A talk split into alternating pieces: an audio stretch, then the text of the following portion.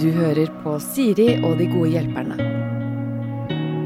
Helgens gode hjelper er Sofie Frøysa, samfunnsdebattant, komiker, forfatter. eh, Og så har vi Benjamin Silseth, som er eh, psykolog og podkaster. eh, Forlovet. Ja. Så har vi sett deg i sofa med da din forlovede Niklas. Kan jeg legge til min nyeste tittel? Ja. Forfatter. Å, er du òg forfatter? Jeg er forfatter. Ja. Vi- eh, Hva forfattet du? Niklas og jeg har skrevet en eh, lettbeint guide til parforholdet. Eh, en bok som kommer eh, 23. august, eller noe sånt. Ja. Så nå vil jeg kalle meg forfatter òg, da.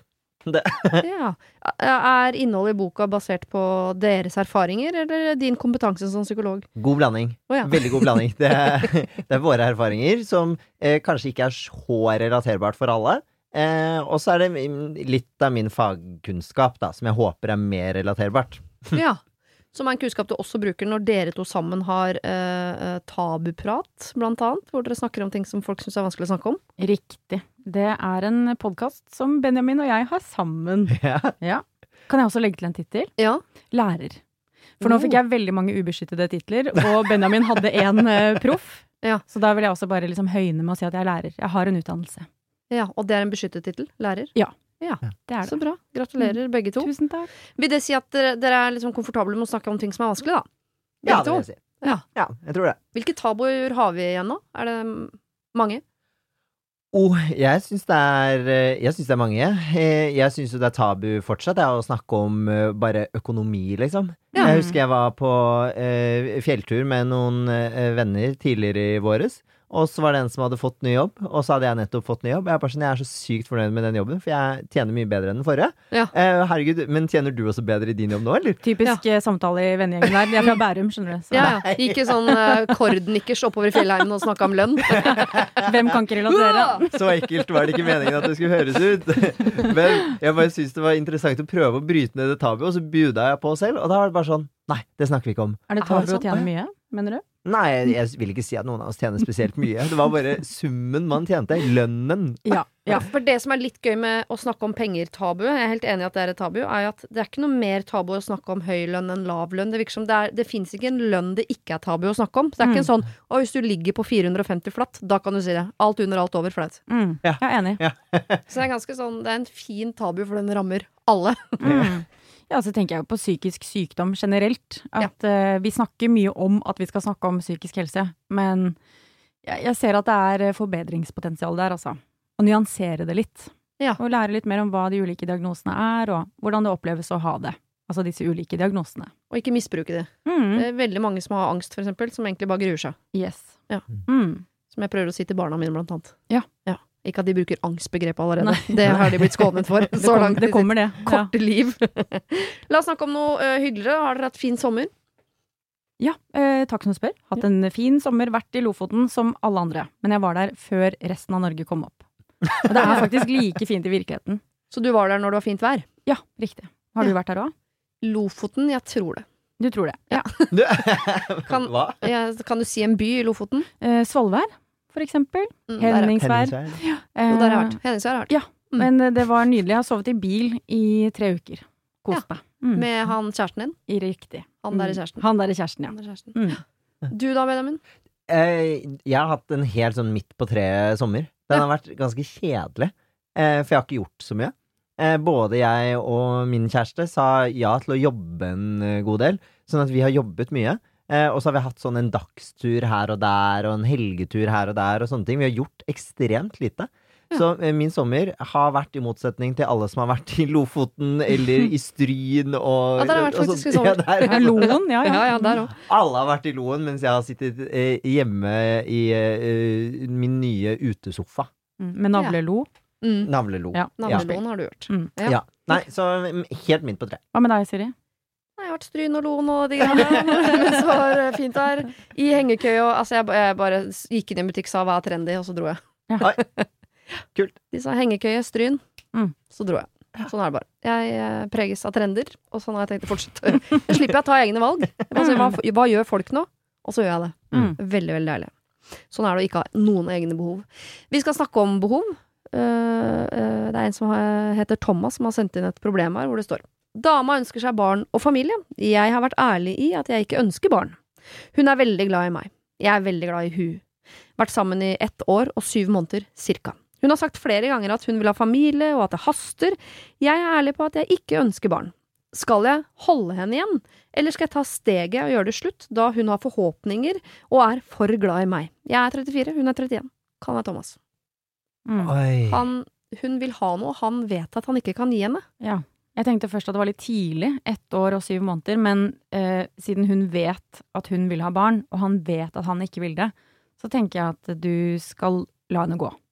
Altså er Det er min første tanke. Ja, for det er, det er i den eh, 31 og 34, eller hva den var, det også er en sånn kjempevanskelig alder. Mm. Eh, eh, jeg er jo homo, jeg er sammen med en mann, så vi har ikke noe sånn biologisk eh, klokke. Vi kan eh, kjøpe oss et barn eller adoptere et barn når vi vil, på en måte. Ja. Er det Um, stum H i homo, forresten? Om det er stund homo? Nei, stum. Stum, stum, er du stum homo? Er du stum homo? Det er han ikke. Det kan jeg bekrefte at han ikke er. Sorry, men det hang meg opp i at du, det hørtes ut som du sa homo. Jeg er homo. Ja, jeg er lurer på om det var stu, stum H i homo. Nei, det er den trendy nye, da. Det er okay, uten H. Mm. Ja. Ja. Fortsett, du Eh, er nei, homo og kan kjøpe barn. Ja. Ja. eh, Det er en overskrift. Men jeg har eh, veldig mange venner. Eh, jeg har jo nettopp bikket eh, 30 i år. Eh, og der har det begynt å skje ting. Der er eh, folk begynt å tenke kjempemye på det med barn, og det er blitt et sånn make it or break it-tema. Mm. Så jeg forstår jo at dette temaet er kjempeviktig for disse to. Mm. Fordi det potensielt kan være det som gjør at de ikke kan leve sammen resten av livet. da. Mm. For det er, barn er jo et kjempespørsmål. Ja, men jeg tenker jo også at begge har god tid. Altså Nå har jo han sagt at han vet at han ikke vil ha barn. Um, han har jo all tid i verden. Det er jo fordelen til dere gutta, at uh, dere kan jo holde på Mm. til hva da, 60. Men hun har jo også god tid, eh, så jeg tenker jo at um, sånn sett så handler det om at de har veldig forskjellige interesser og ønsker for fremtiden. Mm. Eh, så det høres ut, siden han spør, da, burde jeg, burde jeg gå fra henne, eller la henne gå? Så var det liksom min umiddelbare tanke at ja, det burde han. Fordi hun er på et sted i livet hvor hun ønsker barn, og hun sier at det haster til og med. Mm. Ehm, så, så tenker jeg at de står liksom ved et veiskille nå. Eh, det kan være at han ehm, ombestemmer seg, det vet man jo ikke. Eh, Det kan være at hun ombestemmer seg. ikke sant? Det er jo helt umulig å vite da om, om det kommer til å skje, og jeg er jo interessert i hvordan på en måte denne praten her har vært, fordi har det vært en sånn prat som har vært sånn Du, hva, hva tenker du om barn, egentlig? Nei, det skal jeg ikke ha. Å ja, det vil jeg ha, uansett. Og så har han på en måte Og så har det stagnert litt. Mm. Hvor mye har de egentlig snakket om dette her? Hva er det som gjør at han ikke har lyst på barn? Hva er det som gjør at hun har så lyst på barn? Mm. Kartlegge litt disse Eller jeg syns alltid det er fint da, å kartlegge litt disse behovene, fordi jeg har vært gjennom den samme runden med min, Ja, med min kjæreste. Ja. Han ville ikke ha barn eh, en periode, og jeg har alltid tenkt at jeg skal, eh, skal ha barn. Nå, da var jo vi Det er jo tre år siden, da, så jeg var 27 og han var 29. Relativt god tid. Em, og da satte vi oss ned og pratet masse om det. Ja. Uh, Og da kom det Nå vet jeg ikke om jeg utleverer han, men han utleverer meg så ofte, så nå må jeg ta igjen. Ja. Eh, men da kom det fram til slutt at grunnen til at han ikke hadde lyst på barn, var fordi han var redd for om han kom til å bli en dårlig far. Ja. Han trodde han ikke kom til å leve opp til den rollen uh, å bli en pappa. Ja. Så fikk vi snakket masse om det. Lot det liksom mørne over to år hvor dette var et litt sånn tilbakevendende tema. Hva tenker du nå? Og den dag i dag så har vi bestemt oss for å få barn. Ja, Vi vet ikke når, men Nei. vi på en måte skal ha barn, da. Så jeg er litt sånn interessert i hvordan den samtalen har vært med disse to. Fordi det Mm. kan fort bli en litt sånn låst samtale hvor det er sånn åh, vi er på forskjellige fronter, nå vi bare skal vi slå opp eller ikke, eller hva? Mm. Men hvor- mye har de pratet om det?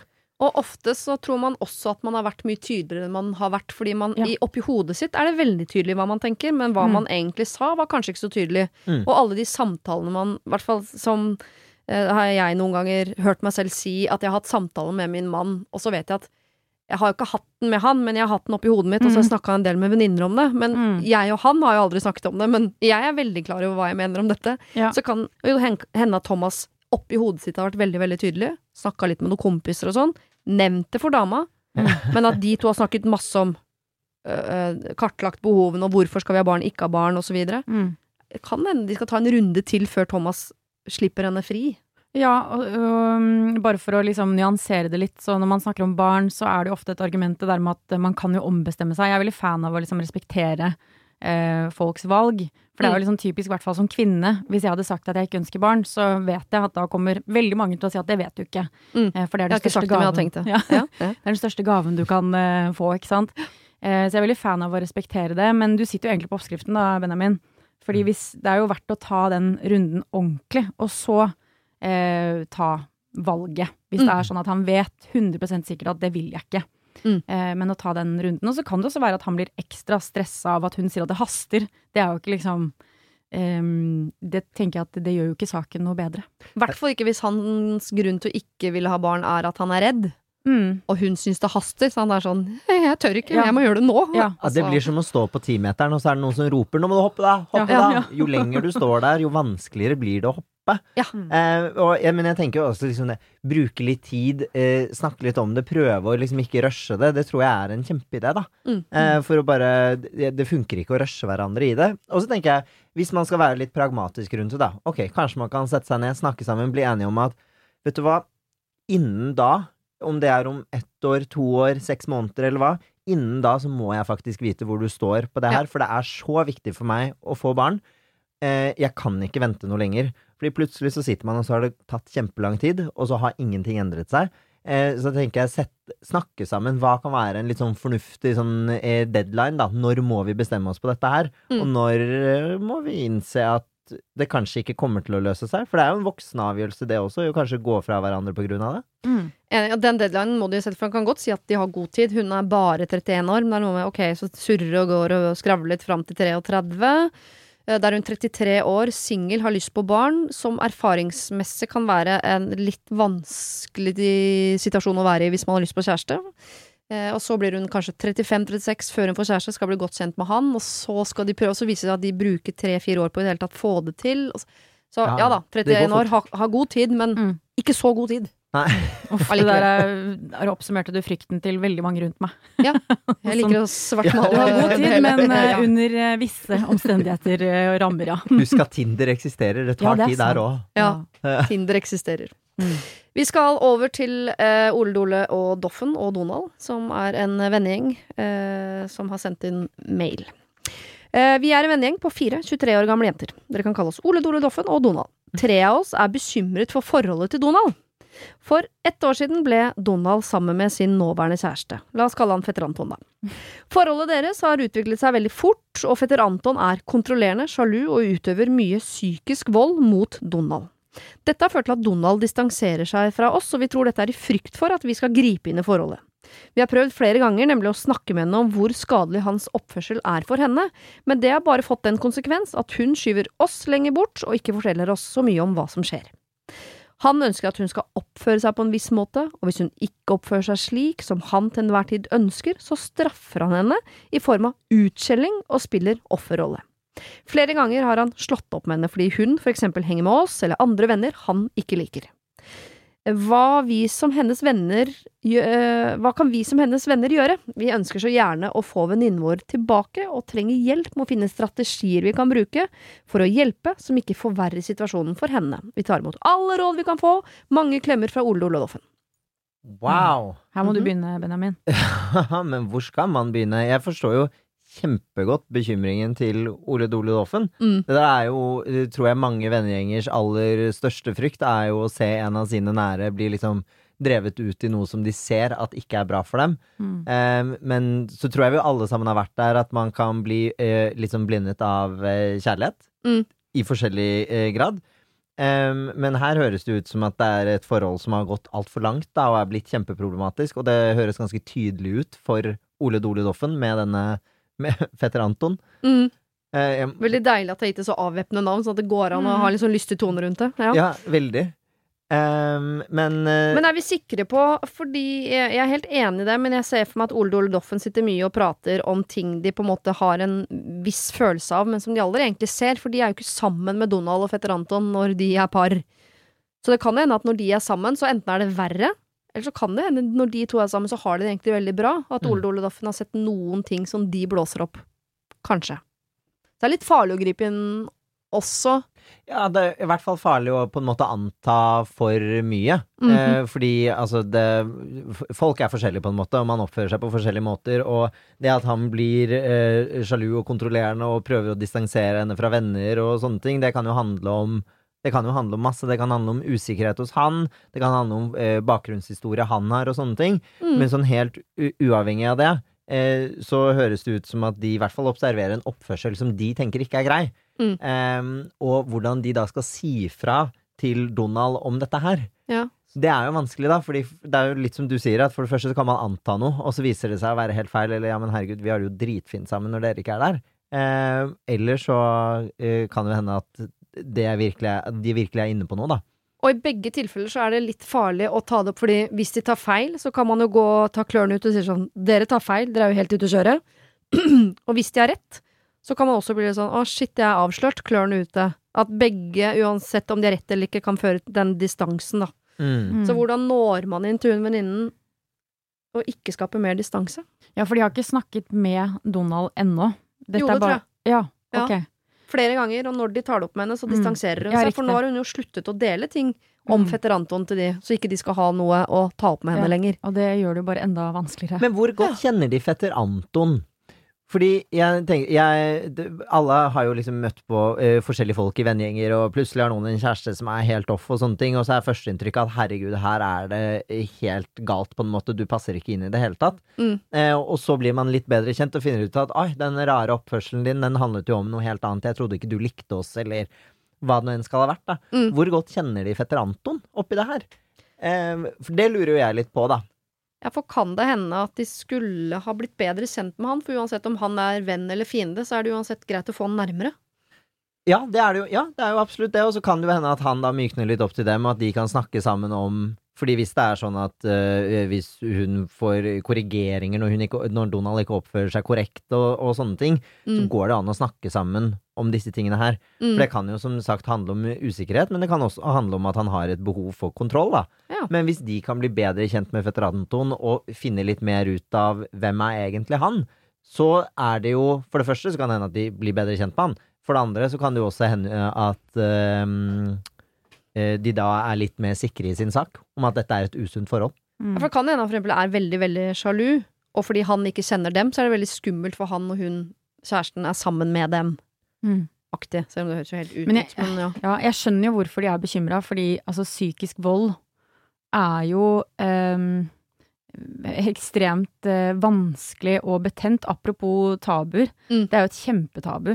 Um, og det fins jo ulike ressurser der ute. Altså VO-linjen, vold- og overgrepslinjen, har jo um, forskjellige eh, hva skal jeg si eh, ressurser da, som man kan anvende.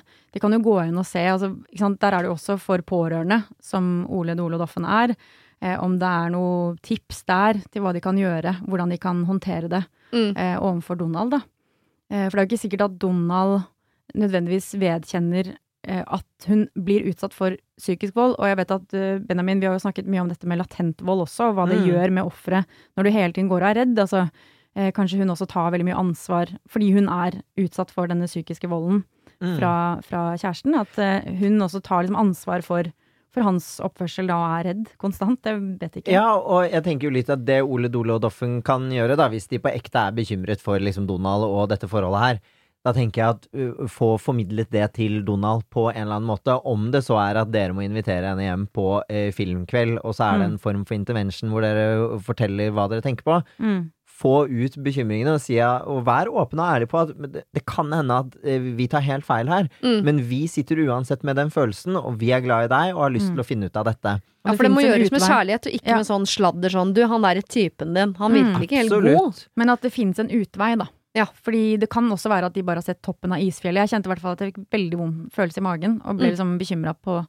på hennes vegne, da. Og at de eh, Den bekymringen kommer jo fra et sted, og de har jo sett hvordan han oppfører seg. Mm. Eh, så det er også noe, som du sier da, sier at eh, hvis man formidler det med kjærlighet, at vi er her, og det fins en utvei, det tror jeg er en god start. Da. Og så fikk jeg bare Det er helt nerd å komme med sånn på tampen her, men eh, jeg bare straffer henne, spille offerrolle. Mm. Kan jo hende at de også lever et litt sånn uh, dum sub-forhold, er det det det heter? Når de ja, nettopp leker med de rollene, hvor den ene skal være dominerende, og den andre skal underkaste seg. At det er en Som hun ikke har fortalt venninnen sin, at jeg driver med de greiene der. Ja, det, Ja, altså ja, Gudene vet. Men jeg Ja. tenker jo at hvis, eh, hvis Ole Dole og Doffen klarer å være åpne, nysgjerrige, ta dette her seriøst, Mm. men også være åpne for at kanskje vi leser det feil, Mm. så kan det jo ikke gå noe annet enn eh, bra. Ja, og, og apropos det, hvis det skulle være sånn da, at eh, det er et sånn type forhold, så er jo dette med grensesetting veldig, veldig viktig. Eh, så hvis han er veldig sjalu, altså da er det veldig dårlig kommunisert i så fall, tenker Ja. jeg. Ja. eh, hvis de har et sånn type forhold, at da er det litt merkelig, litt off eh, oppførsel. Men kanskje Donald liker at han er sjalu? Ja, kanskje. Kanskje dette Ja, ja. utspiller seg Ja, hjemme? jeg, jeg dømmer ikke noen, jeg, men altså, jeg tenker i hvert fall at den bekymringen skal de ta på alvor, og jeg syns at det er veldig fint. Det syns jeg de skal fortsette med. Mm. Ja. Så du må grave mer i det, Ole Dole Doffen, med kjærlighet. Finne ut av dette mer, og kanskje bli bedre kjent med fetter Anton også. Og bruk ressursene der ute. Vi skal over til bygdetrollet. Kjære relasjonsorakler, står det her. Det er da oss i denne sammenhengen. Ja. Jeg er en dame på 40 som bor på et lite sted. Her kjenner alle alle, og bygdetrollet er stort. Jeg har en eh, turbulent barndom og har et turbulent samboerskap med et enda verre samlivsbrudd bak meg. Da vi alle bor på samme tettsted, har dette vært svært offentlig affære, hvor jeg har blitt hengt ut som alvorlig psykisk syk av min eksmann samt hans familie. Jeg har testet meg, altså, og jeg har ingen diagnoser. Dette er nå syv år siden, og jeg har de siste to åra begynt å tørre å bevege meg litt ut i datingverdenen igjen. Og for fire måneder siden så møtte jeg verdens mest fantastiske mann. Oh. En trygg og god mann med to barn fra et tidligere forhold. Han er høyt utdannet, har en god jobb, skikkelig lekkert hus. Selv er jeg arbeidsledig og såkalt naver, og jeg leier en rønne av en leilighet. Allikevel så valgte han meg. Nå i sommer valgte vi å møtes med barna våre, og de kjenner hverandre godt fra før, da de går på samme skole og er jevngamle. Lykken ble imidlertid kort, for da hans eks ble oppmerksom på at han hadde innledet et forhold med meg, som er uttenkt som psykisk syk, eh, har han nå blitt skeptisk til meg og har avsluttet vårt forhold. Dette er to uker siden. Likevel sier han at han ønsker å reise bort med meg, bare leve i nuet og se hva som skjer. Jeg er forvirra, usikker, såret. Bør jeg la han få tid på, eh, til, til å se hva som skjer? Hvorfor sto han ikke bare mer opp for meg overfor eksen sin? Det er jo han som kjenner meg. Han sier også at det er eh, godt mulig det ikke er liv laga for noe forhold mellom oss, mens han i neste sekund inviterer på middag, overnatting og fjelltur. Hva gjør jeg? Skal jeg være med på leken, eller skal jeg stenge han helt ut og trekke meg unna? Hilsen uthengt av bygdetrollet. Altså, flytt var min første tanke. For et grusomt sted. Ja. Ja, ja, hvis man først får et rykte på seg, og det er et lite sted, så er det nesten umulig å komme ut av. Mistenker at dette er i bibelbeltet, Ja. hvor jeg er fra. Så Ja, det skal du ikke se bort fra. Men vanskelig da med barn på skole og flytte og sånne ting. Det er jo, det er jo trøblete. det kjipt fordi Eh, barna vokser opp der òg, da. Ja, ja, ja, er du gal? Det er jo ikke noe gøy å barna på, barna på skolen sladrer jo de også. Eh, Ryktene går jo rundt hele denne bygda, tydeligvis. Ja. Men- og er det du som har hun gærne mora? Ja, ikke Mm. sant? Sykt den. den kommer fort. Eh, og det er jo utrolig eh, Det er jo en utrolig vanskelig situasjon å være i, tenker jeg da. Fordi det er jo utrolig kjipt å høre at uh, denne mannen ikke Jeg mener jo, sånn min første tanke var at herregud, du må jo stå litt mer opp. Man skal aldri høre for mye på eksen sin, tenker jeg. Mm. Eh, selvfølgelig kan det være sjalusi, og det kan være mye annet. Og det kan være en reell bekymring, da, hvis dette ryktet er psykisk sykdom. Så kan det hende at eksen også er bekymret for barn og sånne ting, og at det er velbegrunnet, denne, dette oppgjøret mellom eksen og den mannen. Men jeg syns jo han skylder henne, når de hadde et så fint forhold, Mm. å ta en bedre prat på det. Mm. Og hva skjer med ambivalensen hans? Liksom, I det ene øyeblikket så skal det ikke være noe forhold, og i det neste øyeblikket så skal de på tur og reise bort og sånne ting. Det er klart Mm. man blir forvirra. Jeg syns det høres ut som han vil ha litt sånn hemmelige forhold med eh, henne, for han ikke tør å, å face bygdetroll og si sånn Vet du hva, jo, jeg har valgt henne, selv om dere har stemplet henne som gal. Jeg liker henne, og sånn er det. Ja, altså psykisk syk, det er så veldig sånn 1975 å si. Hva mener de med det? Psykisk syk? Den sekken er stor. Ja, Ja. men sånn hva, Ja, men øh, skulle veldig gjerne hørt hva de legger i det. Psykisk syk. Altså Um, som om det er noen motsetning til å være ressurssterk. Hvis du har en eller annen diagnose eller uh, har noen psykiske problemer, som vi alle har. Mm. Jeg bare jeg har lyst til å dra ned til dette stedet og bare sånn Hei, skal vi samle alle på dette lille bygdehuset og snakke litt om hvordan dere tar vare på hverandre, liksom? Ja. Kjærlighetssorg, for eksempel. Ikke psykisk syk. Nei. Kan det, det kan hende, det er det, kanskje det er det verste. Ja. At det var det hun var. Hun hadde kjærlighetssorg, og så var hun dama der gæren. Ja, Eller du blir jo i hvert fall psykisk syk av å bli behandla sånn. Ja. Eh, av omgivelsene. Eh, kjenner at jeg blir kraftig provosert av å, å høre hvordan hun har blitt behandla, da. Ja, ja, apropos psykisk vold. Ja. Eh, så han fyren der er jo evneveik. Altså Han har jo ikke ryggrad hvis han ikke klarer å, å liksom stå i det at han har falt for henne. Og veldig sånn mixed signals, som du sier da. Og liksom, I det ene øyeblikket så skal de dra på tur, og så bare nei, men ikke hjemme. Altså det er jo Ja, og det er, Det er deil, ja, det er deilig å, å håpe at han skal ha baller nok til det, men det er, jeg det kan jo ikke. skjønne at, at det krever litt baller å skulle stå imot uh, hel, bygdetrollet, Mm. hele bygda, Ja, ja. eksen, ungene dine. Da, og det er jo et, det er et relativt ferskt forhold, så å kjempe med nebb og klør mot alle for å bevare den ene du akkurat har møtt, det er jo øh, Det er ganske mye å kreve. Jeg syns vi skal gjøre det, men jeg, jeg, jeg skjønner at han, at han blir ambivalent, da. Ja, Det kan jeg skjønne. Ja, jeg, det, jeg skjønner det også. Og så får jeg veldig mye eh, empati med denne damen. Fordi det Mm. er liksom noe med at en turbulent eh, oppvekst, et turbulent eh, forhold tidligere, bor i en liten leilighet. Hun sa jo til og med en rønne. Altså, det har jo sikkert Ja, en- gått veldig på En rønne, og bare sånn Hvorfor valgte han meg? Så er det Mm. sånn åh, altså Den følelsen der av å liksom bli liksom fylt av kjærlighet fra en annen og sånne ting, den er jo helt priceless. Mm. Så den vil jo alle sammen ha. Mm. Så det høres jo ut som at denne damen også har eh, store ønsker om å gå langt da, for å bevare dette her. Mm. At det var noe skikkelig bra. Og så ligger dessverre litt av ansvaret på han, hvor vi alle liksom skulle ønske at sånn, kan ikke han ta litt mer ansvar og bare stå imot disse ryktene? Mm. Og så er jo det vanskelig når det er liksom et helt eh, lokalmiljø, da. Mm. Eh, å stå imot det. Det er kjempekrevende. Og begge har barn på skolen. Det er jo ikke bare bare å flytte heller. Ja. Men skal jeg være med på leken eller, og stenge han helt ut? Eller skal jeg stenge han helt ut og trekke meg unna? Jeg tenker, sånn, Hvis hun stenger han ut og trekker seg unna, da vant bygdetrollet. Ja. Ja. Da er tilbake i rønna, ryktet eh, det lever i sitt beste velgående, og hun er fortsatt bare hun gærne dama. Men tenk å straffe så mye for at du har hatt en uh, turbulent barndom, uh, og at folk bruker det mot deg, eh, og at ehm, Ja, jeg bare tenker at jeg, jeg hører at det her har gått veldig sånn på selvbildet hennes løs, da, og at hun, som jeg skjøt inn her, at hun til og med omtaler liksom stedet hun bor som en rønne, og jeg er bare naver. Altså, Mm. det, Har ikke så høy selvtillit eller Nei. selvfølelse. Nettopp. Men hvor, eh, hvor mye, tenker jeg da, hvor mye gir det henne å være med på denne leken? Mm. Eh, hvis det gir henne mye glede, og ok, så kan jeg være med på å gi det litt tid og være litt on and off, og han får finne ut av hva han vil, men det gir meg såpass mye glede at det gir meg noe å håpe på, da. Mm. Eh, og jeg kan eventuelt tåle den kjærlighetssorgen som kommer hvis det skulle vise seg å ikke gå. Mm. Hvis det gir henne mer enn det koster, så ja, da tenker jeg da kan du være med på leken litt grann til. Men hvis du kjenner at det koster såpass mye at eh, det ikke er verdt det, så ville jeg jo ikke gjort det. Og da har hun en diagnose. Da har hun kjærlighetssorg. Og da kan hun si det til alle. Sånn, det er fordi han der knuste hjertet mitt, for han ville ikke være med meg, skjønner du, på grunn av alle ryktene. Mm. Eh, og da bare dra han med ned. Payback time. Ja. Ja, ja. Det er de to.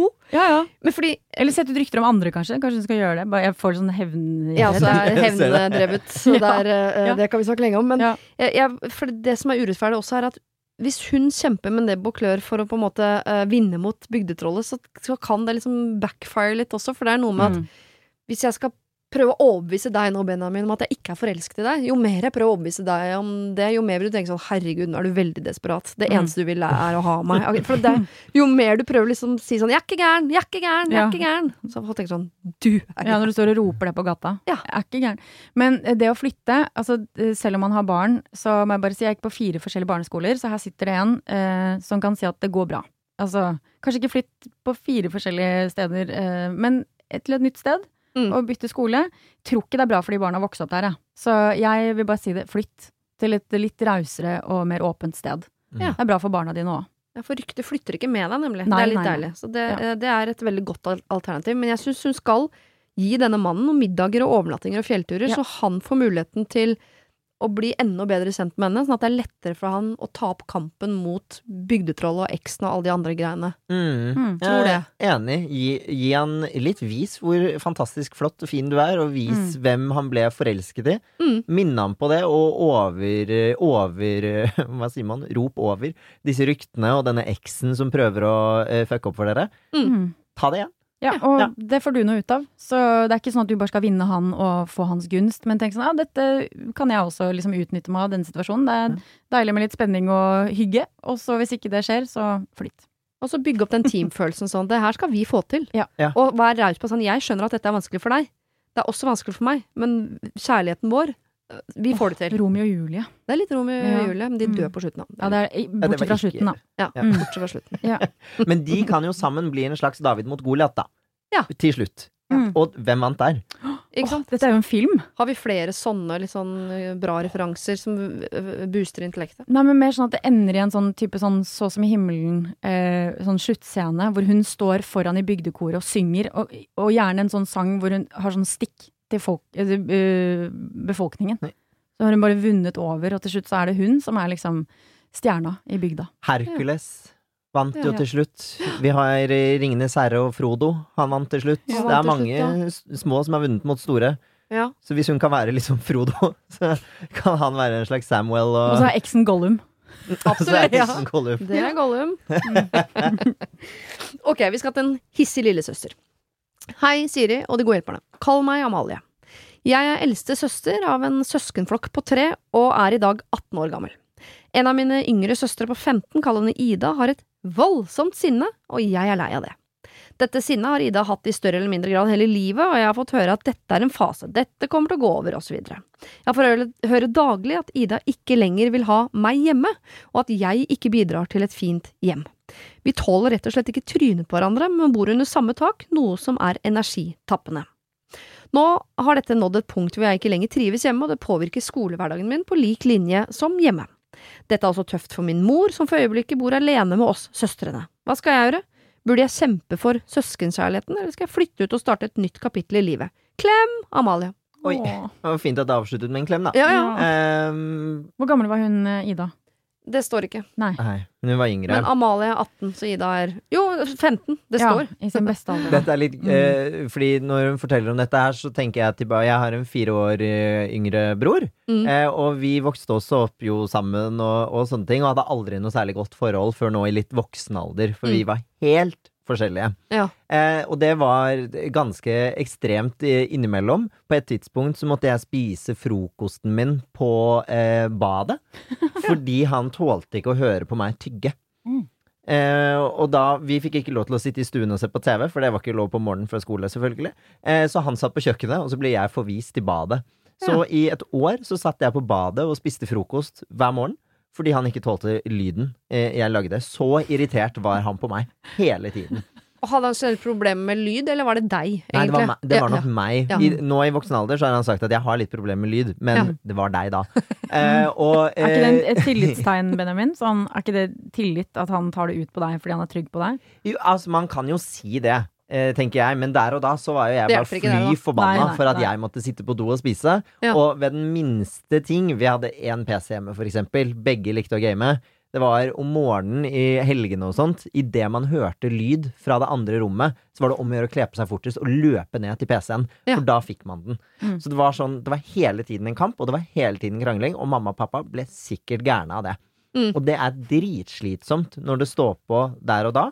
Og hvis man har da en yngre søster i dette tilfellet som er sinna, og som sier 'jeg vil ikke ha deg hjemme', og la, la, la, så tenker jeg det er skikkelig vondt å høre. Ja. Nå vet vi jo ikke hvor gammel eh, Ida egentlig er. Er 15. 15. Å ja, hun var 15. Ja, 15, ja. Ah, ja, ja, ja, ja. Eh, men, eh, ikke sant? Og da også tenker jeg sånn, når man er eh, tenåring, da, og kanskje særlig sånn 15-årsalderen og sånt, altså så mye dritt man sier da, og så mye dumt man gjør, sånn egentlig. ja. Men jeg er litt enig med Sofie at det er jo også mye kjærlighet i at det kommer mye sinne. Det er bare kjipt at det kommer i form av sinne. Mm. Men det er mye kjærlighet i det også. Ja, litt Men tillit, da. Dette sinnet har Ida hatt i større eller mindre grad hele livet, og jeg har alltid fått høre at dette er en fase det kommer til å gå over. Så det er noe med, jeg tror ikke, eh, Jeg er sikkert verre nå som det er tenåringer, men det kan jo at, at Ida er en eh, hissigpropp. Hun har vært Ja. hissig siden hun Mm. kom, til verden, kom skrikende inn og går skrikende ut, liksom, av denne verden. Og det er jo slitsomt, og jeg tipper at det også noe av den sorgen her ligger i at alle har sikkert alltid gått litt sånn forsiktig rundt Ida. Ja. Også har foreldrene beskyttet Ida litt, for Ida er litt sånn hissig. Så må Mm. Amalie sitte igjen med svarteper. Ja, og så må alle andre på en måte øh, bevege seg rundt Ida. Man har jo bare lyst til å gå inn og riste Ida, liksom. Mm. Ja, ja, ja. Så jeg kan skjønne Mm. at, man, jeg kan skjønne at Amalie er, er lei av Ida. At alle Ja. må ta hensyn til Ida, for hun har så mye sinne, hun. Ja, men har hun alltid hatt det? Jeg tror det. Ja, Ja. I større eller mindre grad hele livet. ikke sant. Ja. Da tenker jeg, vet du hva, eh, ta en litt sånn real talk eh, til deg da, Amalie, så kan det faktisk hende at Ida er som hun er.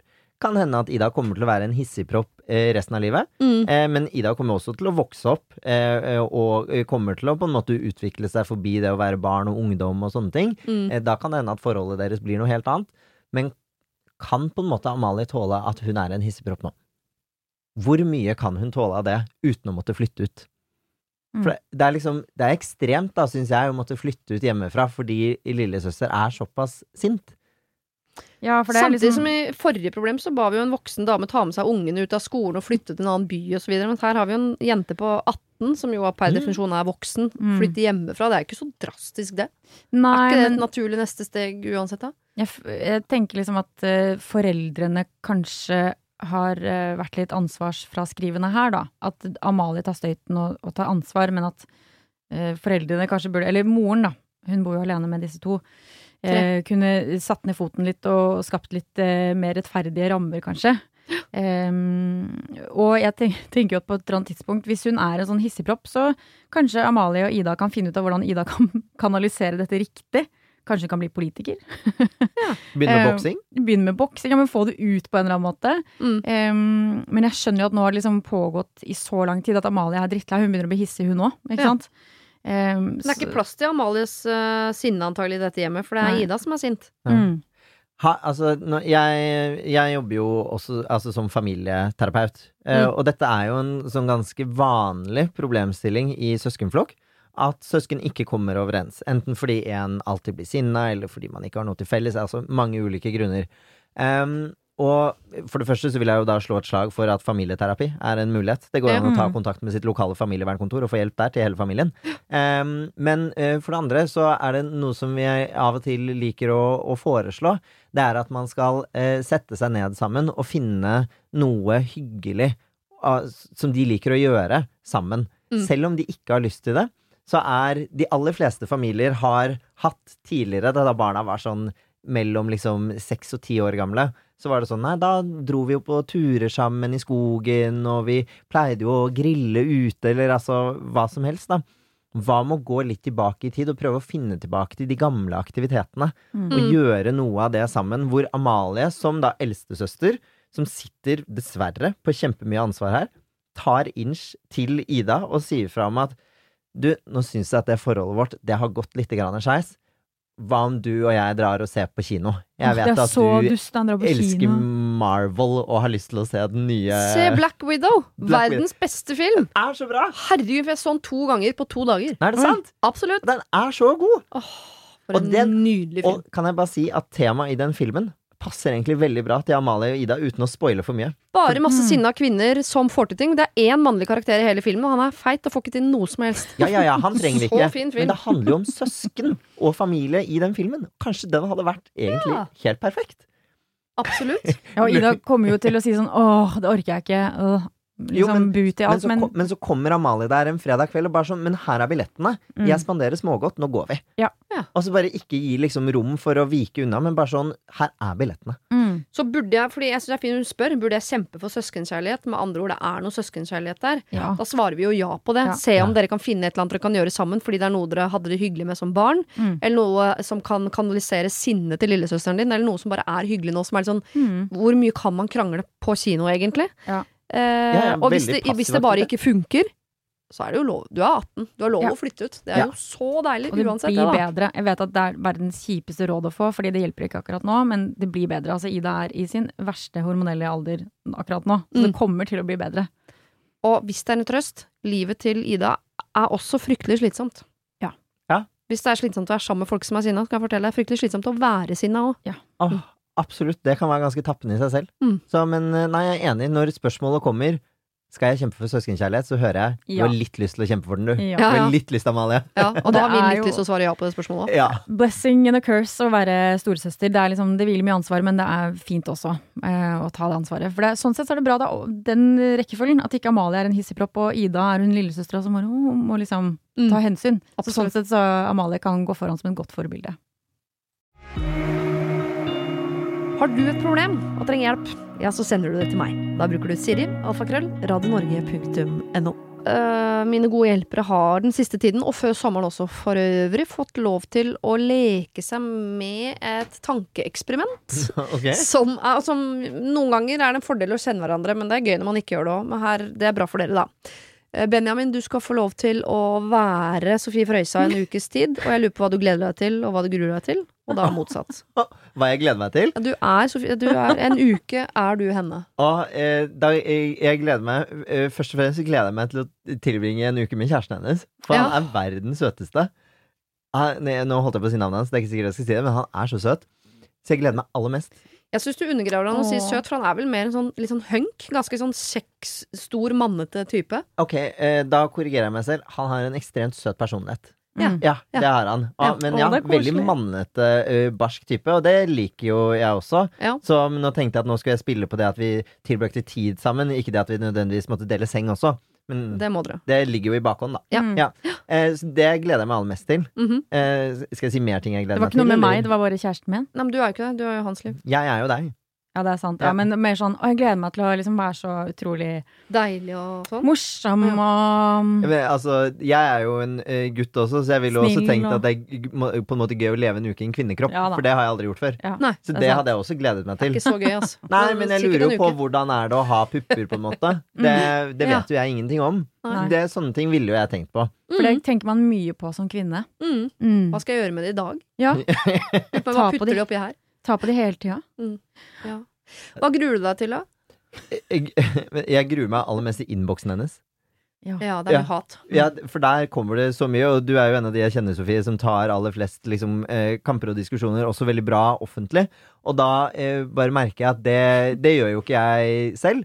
Eh, så den innboksen der, den hadde jeg gruet meg til.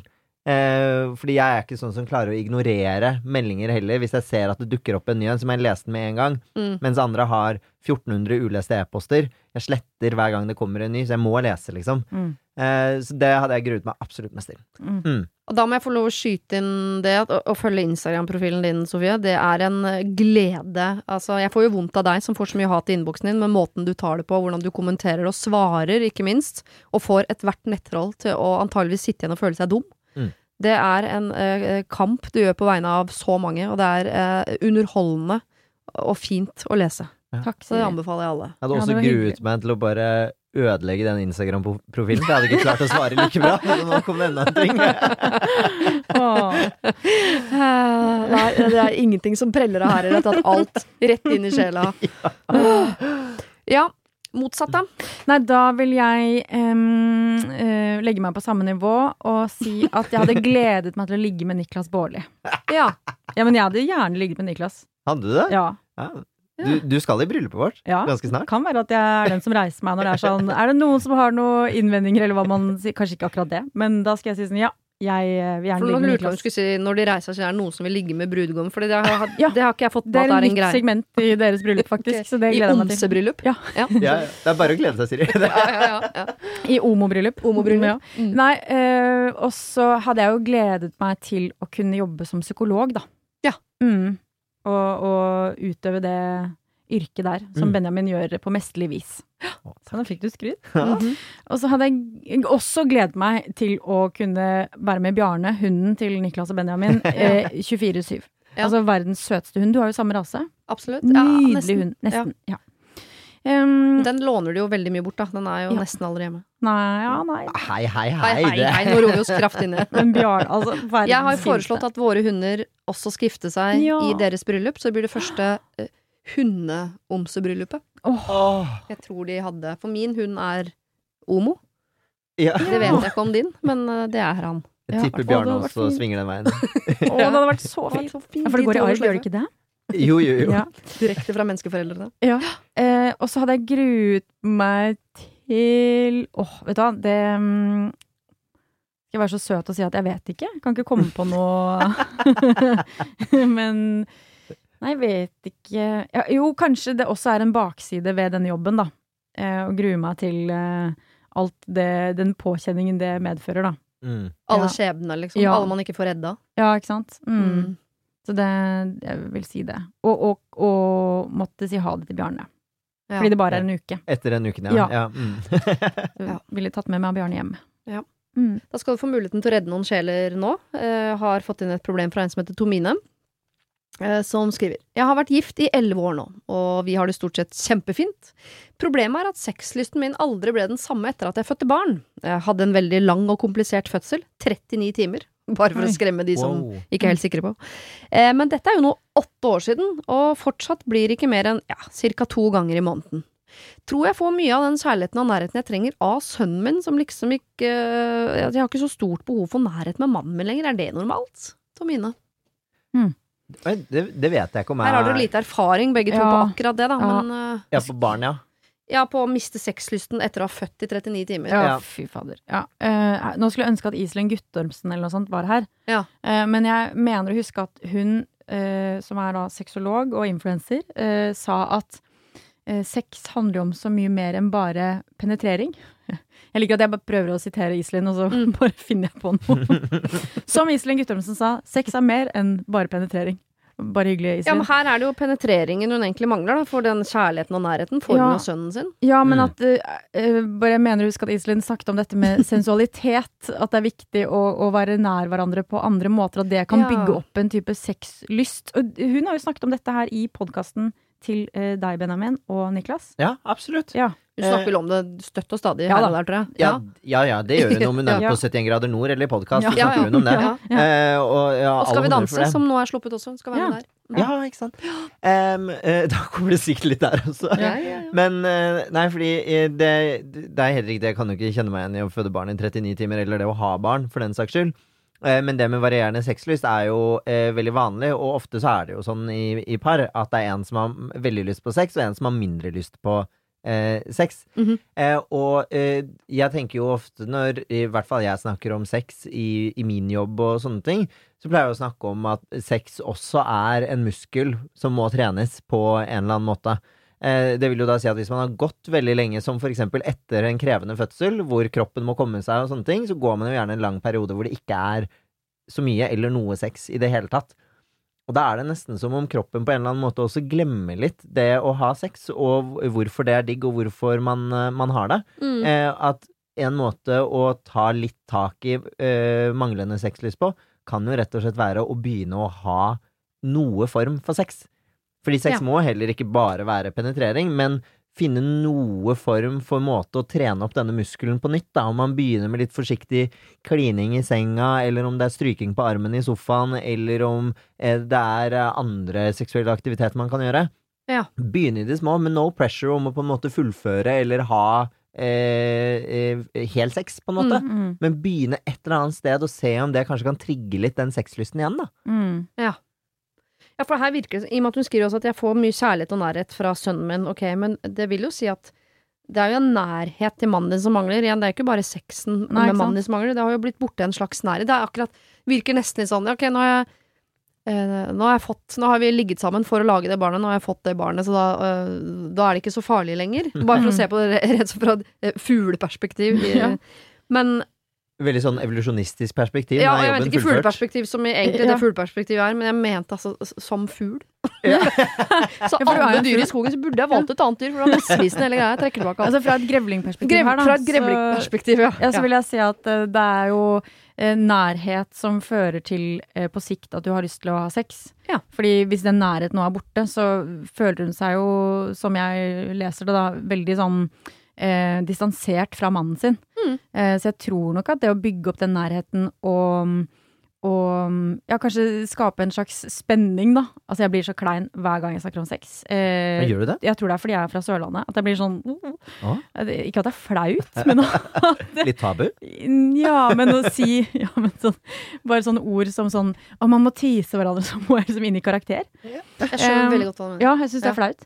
Så, men at det liksom er um, en eh, mulig løsning. Ja. eh, Og at de er nødt til å liksom gjenopprette den nærheten overfor hverandre. Fordi den nærheten hun får fra sønnen sin, er jo noe helt annet. Ja. For jeg ble litt nysgjerrig på akkurat det der om Fordi hun sier sånn kjærlighet og nærhet, det får jeg fra sønnen min. Så er det sånn Ja, ja det, det gjør du jo, men har du på en måte Har du lyst til å ha mer sex? Mm. Eh, eller er du fornøyd der du er nå? Eh, for jeg tenker at man kanskje må ta litt sånn ansvar sjæl også. Hvis hun nå har overført mye av denne kjærligheten og nærheten til sønnen sin, kanskje hun legger litt for mye der? Har hun glemt å gi kjærlighet og nærhet til sin mann? ja. Eller er det han som har sett at oi, nå har kona mi og sønnen De har så nært forhold at nå må jeg ta litt avstand, og velger han å ta avstand fra dem? Hvordan er liksom den dynamikken der? Mm. -hmm. Det er jo fort gjort at hun kan tenke at jeg skulle ønske at jeg hadde litt mer sex, men gjør egentlig ikke noe for det heller. Mm. Ja, for det, ikke sant eh, Noen vil jo si at to ganger i måneden er mye, men det hjelper jo ikke. Fordi her virker det som om Tomine syns at to ganger i måneden er lite. Ergo er jo behovet Enten behovet hennes større enn to ganger i måneden, eller så Mm. føler hun at hun burde hatt behov flere ganger i to måned, ganger i måneden. Ja. Fordi det har hun lest. Eller fordi mannen eh, spør åtte ganger i måneden, og hun sier ja bare to av de, så det er en, noe feil der. Men det er jo noe Det som er eh, grunnleggende vanskelig med, med sex, er jo at det er så rart å ta initiativ til noe du ikke kjenner et behov for. Mm. Ja. Men man, vi gjør det jo hele tiden på andre ting. Jeg har aldri et sterkt behov for Å trene. å, å trene eller støvsuge, men det er jo ting jeg hele tiden gjør. Så det kan nok hende at man overdriver den derre for at jeg skal ha sex, så må jeg være liksom Salma Hayek, eh, svett og ristende, liksom, før jeg i det hele tatt går inn på soverommet. Det er jo Mm. noe med at vi, vi kan ikke vente med å ha sex til hver gang vi er helt sånn ko-ko kåte. Nei, Mm. og da, sånn, og da tenker jeg, da må man tenke litt muskel igjen. Da må man tenke at kanskje trene den muskelen litt, akkurat som du støvsuger opp de brødsmulene fra frokosten. Mm. Tenk at du også skal ta og tørke smuler av det sexy undertøyet og få Oi. det på deg, og bare ok, nå prøver jeg i hvert fall. Og jeg er jo, eh, og det er kanskje upopulært å si, men jeg er jo litt fan av pliktsex. Av og til så må man pliktsexe litt. Man mm. skal aldri pliktsexe og, og liksom føle seg tvunget til det, og liksom at det blir en ubehagelig opplevelse. Men av og til så er det sånn, vet du hva, ja ja, da får vi gå til sengs nå. Ja, det er pliktsex med gjensidig samtykke. Ja, absolutt, det er viktig. Absolutt. Eh, Ja. Tørke smuler av undertøyet. Det likte den. Eh, Har du aldri spist middag i klesskapet? eh, Nei. Men ehm, ja, fordi det høres så hardt ut å melde sånn For å ville ha sex, så må du ha sex. Det er litt sånn for å trene, så må du bare trene. Mm. Eh, men det er jo noe med det der at hvis du opplever å få orgasme, eh, så vil du jo ha det mer. Så det, er jo- ka- kanskje han bare skal rett og slett eh, f Hva skal jeg si? Få henne til å komme. Kanskje hun har lyst på mer da. Kanskje det er et problem? At hun bare Ja, ja, at det, der, det føles bare som en pliktsex, men hun får ikke så mye ut av det. Nei. Men etter en periode med pliktsex, så får hun kanskje mer ut av det. Fordi vi er jo vi er mennesker, og vi er jo eh, eh, basic beings, holdt jeg på å si. Når man har sex, så utløses det jo oks- oksytocin, dopamin og sånne ting. Ting som hodet eller hjernen vår blir veldig avhengig av. da. Det Mm. blir liksom en belønning. Så hvis du da har det litt jevnligere, så lærer kanskje liksom hodet å omstille seg litt igjen. At herregud, selv om jeg er blitt mamma, så, eh, og vi er blitt foreldre og har en familie og sånt, så kan vi faktisk ha sex. Ja. Mm. Jeg syns parallellen til trening er veldig sånn uh, ryddig for min del. For jeg, er sånn, jeg aldri går rundt og har lyst til å trene, men når jeg har trent, så er jeg jo veldig fornøyd med å ha gjort det. Mm. Jeg tror Mm. aldri jeg har uh, ligget med mannen min uten at vi etterpå sier sånn 'Dette må vi gjøre oftere'. Ja. Ja. Og så går det en dag, og så har jeg glemt jeg, jeg glemmer Jeg må innrømme at jeg bare glemmer det, så jeg har sagt fra til mannen min sånn 'Sorry, jeg glemmer det. Kommer aldri til å ta initiativ, men jeg lover å ikke si nei'. Mm. Med mindre virkelig liksom det, det går ikke. Og så glemmer jeg, og så glemmer jeg det, og så gjør vi det. Og så er det sånn 'Åh, dette må jeg gjøre oftere'. Ja. Og så glemmer jeg, og så glemmer jeg. Det, Men det er en fin eh, oppskrift, egentlig. Ja. Det du sa der. Ja, men kanskje de skal gjøre det til et sånn lite fellesprosjekt, da? Sette seg ned, ta en prat. Du, jeg syns det har vært litt dårlig sexlyst i det siste. Jeg har lyst til at vi skal ha litt mer sex. Er du enig? Ja? Mm. Ok, men da har vi litt mer sex, og så ser vi hvordan det går. Da setter få vi av tid. kalenderen. Ja, sett av tid. Ja. Og så tise hverandre. Jeg, jeg stopper deg der før du sier noe du kommer til å angre på. Når du finner parykken her og går rett inn i revy. Ok, da har vi snakket om sex. Da skulle alt annet blitt så mye lettere herfra. Jeg sliter så sinnssykt. Har alltid slitt med at jeg blir lei av gutter jeg dater. Jeg går alltid all in, men etter noen uker eller dager så er jeg drittlei. Nesten så jeg kaster opp av å tenke på personen. Dette har jeg tenkt at har vært normalt med tanke på at mamma også var sånn. Nå har jeg gått videre med at jeg blir drittlei venner som står meg nær. Nesten så jeg ikke orker å snakke med de som står meg nær. Det er helt forferdelig at jeg, at jeg kan bli så lei gode venner. Jeg vil ikke føle på det. Kan dere please komme med noen tanker rundt dette, hvordan jeg kan løse dette, hva jeg må forandre? Når det gjelder både gutter jeg blir lei, gode venner jeg blir lei, så vær helt ærlig med meg. Ekstrainfo, jeg er 18, utadvendt, elsker nye mennesker og ærlige folk. PS, jeg har en ny gutt nå som jeg virkelig ikke ønsker å bli lei av. Jeg vil bare åpne og si sånn generelt råd til alle mennesker. Hvis du syns alle jobbene du har hatt er dritt, eller alle menneskene du møter er dumme, eller sånn, så er det ofte et, Det er noe med, ved deg. Det er jo Mm. du som går igjen i situasjonen. Mm. Så hvis du blir lei alle gutter og alle venner og sånn, så tenker jeg at det er du som må jobbe, du som må jobbe med noe ved deg. Du har ikke blitt plassert i dessverre sånn sort hull i en kommune i et land hvor alle er idioter. Mm. Mm. Det må være noen der det går an å like over tid. Ja. Mm. Ok. Ja, nei, det er, jo, det er jo interessant, da, for det er jo det, men, eh, det høres jo åpenbart ut som et eh, lite mønster som har fått mulighet til å bygge seg opp over tid. Mm. Og det er jo for så vidt mer innafor og lettere eh, å bli lei av gutter man dater, eller folk man dater generelt, fordi det har du lov til. Mm. Men å bli lei av nære venner, Da tenker jeg at da er vi inne i at dette mønsteret har begynt å utvikle seg til å handle om noe mer enn bare datingforhold. Da Ja. har det begynt å bli et sånn eh, nesten sånn eh, knyttet opp mot identitet. Jeg er en sånn person som blir drittlei av alle jeg møter, Mm. og så blir det en sånn slags selvoppfyllende profeti, nærmest. Ja. Og Ja, det er litt farlig, for det er ikke sikkert det er sånn engang. Hun bare går og kjenner på noe som hun tenker er det sånn nå, er det sånn, blir det sånn nå? Og så blir det jo sånn. Mm. Ja, jeg tenkte også på dette med at det blir sånn selvoppfyllende profeti. At hun har liksom allerede en innstilling om at hun blir lei av alle. Så da skjer jo det, selvfølgelig. Uh, men uh, altså, jeg tenker at hun er jo 18 år, da. Mm. Så jeg vet ikke om det er sånn periode hvor alt er gørr, liksom. At, uh, men så nevnte hun også at mamma er sånn. Mm. Uh, og det òg er jo litt sånn eh, spesielt. Det har kanskje blitt overført til henne at sånn er vi, ikke sant? Ja. Eh, Mm. Og det forsterker den identiteten, eller ja. Den, Ja, eller så oppvokst i et hjem hvor mor til stadig, liksom, en gang i året, så skifter hun ikke bare liksom klesskap, men også vennekrets og jobb, og at, hun er, sånn, at de er litt sånn flyktige, da. mm. Mm. Og det kan jo handle om, ja, enten man, man er det, liksom. Eh, Men- Man er nomade, bare. Og, eh, Mm. ellers er det noe med at med en gang noe blir nært, så blir det litt vanskelig, og da vil jeg heller bare videre til noe som er mer sånn Ja, kan det Nytt. handle om tilknytningsvansker uh, da, Benjamin? da, da må vi vite litt mer om dette forholdet til moren, merker jeg. Ja. Jo, men Men- til andre, til venner, til kjærester, altså, eller gutter. Ja, altså Ofte så stammer jo liksom tilknytningsproblematikk fra barndommen, da. Eh, så det er litt sånn li, kanskje litt vanskelig å gå inn på akkurat nå, Mm. men Kan ikke det- du fjerndiagnostisere her, Benjamin? jeg skal ikke ha en sånn Trump-seanse. Um, nei, men jeg bare tenker når det liksom har begynt å utvikle seg til å også omhandle nære venner, som hun tydeligvis har hatt, da. Eh, Hun Mm. er 18 år gammel, har hatt disse vennene lenge. Før så har hun tålt dem, og det har vært helt fint, og nå begynner hun å merke at nå begynner jeg også å bli drittlei av dem. Mm. Og så tenker jeg, når du er 18 år, så er jo identitetsutviklingen i ganske god gang, da. Eh, sånn at det kan fort liksom begynne å manifestere seg litt, den der tanken om at men mamma er sånn, og jeg har vokst opp med det og det, og derfor blir jeg også sånn nå. mm. Det er jo ikke gitt at du nødvendigvis må være sånn, men kanskje akkurat nå så er du på et sted hvor du bare er drittlei av alt sammen. Det er lov å være drittlei av venner. Det er lov å være drittlei av gutter du dater. Helt innafor. Men det betyr jo heller ikke at du er nødt til å kutte dem ut. Nei, for det er farlig hvis du røsker opp med rot hver gang du er lei, så kan det jo potensielt gå inn i et liv som blir ensomt. Så jeg tenker sånn når du er lei, kanskje du bare skal være lei, men ikke gjøre noe stort nummer ut av det. Mm. Fordi jeg, jeg kan også bli fort lei av mennesker, men det handler ikke om egentlig at jeg er lei av mennesker, det handler om at jeg trenger Alene å være helt alene. Mm. Og da kan det føles sånn åh, nå er jeg litt lei av de. Nå er det mye av de, eller mye av han, eller mye av henne, eller Og så må jeg bare hjem, lade. Mm. Og, og så er det ikke at jeg må Da har jeg ikke bytta ut de med noen nye, da kan jeg gå tilbake til de. Men Ja. jeg er lei der og da av disse menneskene her og nå. situasjonen. Mm. Ja. Kanskje hun skal være litt uh, mer alene, og liksom prioritere det. Og så kanskje hun skal prøve å bare ikke være med noen på sånn en periode, og se hvordan det føles. Kanskje hun savner noen. Altså hun merker mer mm, 'Nå savner jeg han eller hun eller Mm. hen'. Altså bare prøve det som et sånt sosialt eksperiment, og se hva, hva skjer da. Og så tipper jeg også som 18-åring så virker så er det jo nesten helt sånn nerd å skulle være litt alene, for da handler det om venner, venner, venner, nye Mm. ting, ting skal skje, ting skal skje, så ofte kjenne på et behov for å være alene. Mm. Det er for gambliser, tror Ja. jeg kanskje jeg tenkte som 18-åring. Og selv om hun er utadvendt, så kan hun jo være ekstremt introvert. Ja, ja. Mm. Så kanskje hun bare ikke har skjønt den kombinasjonen hos seg at hun trenger å dra hjem og lade batteriene.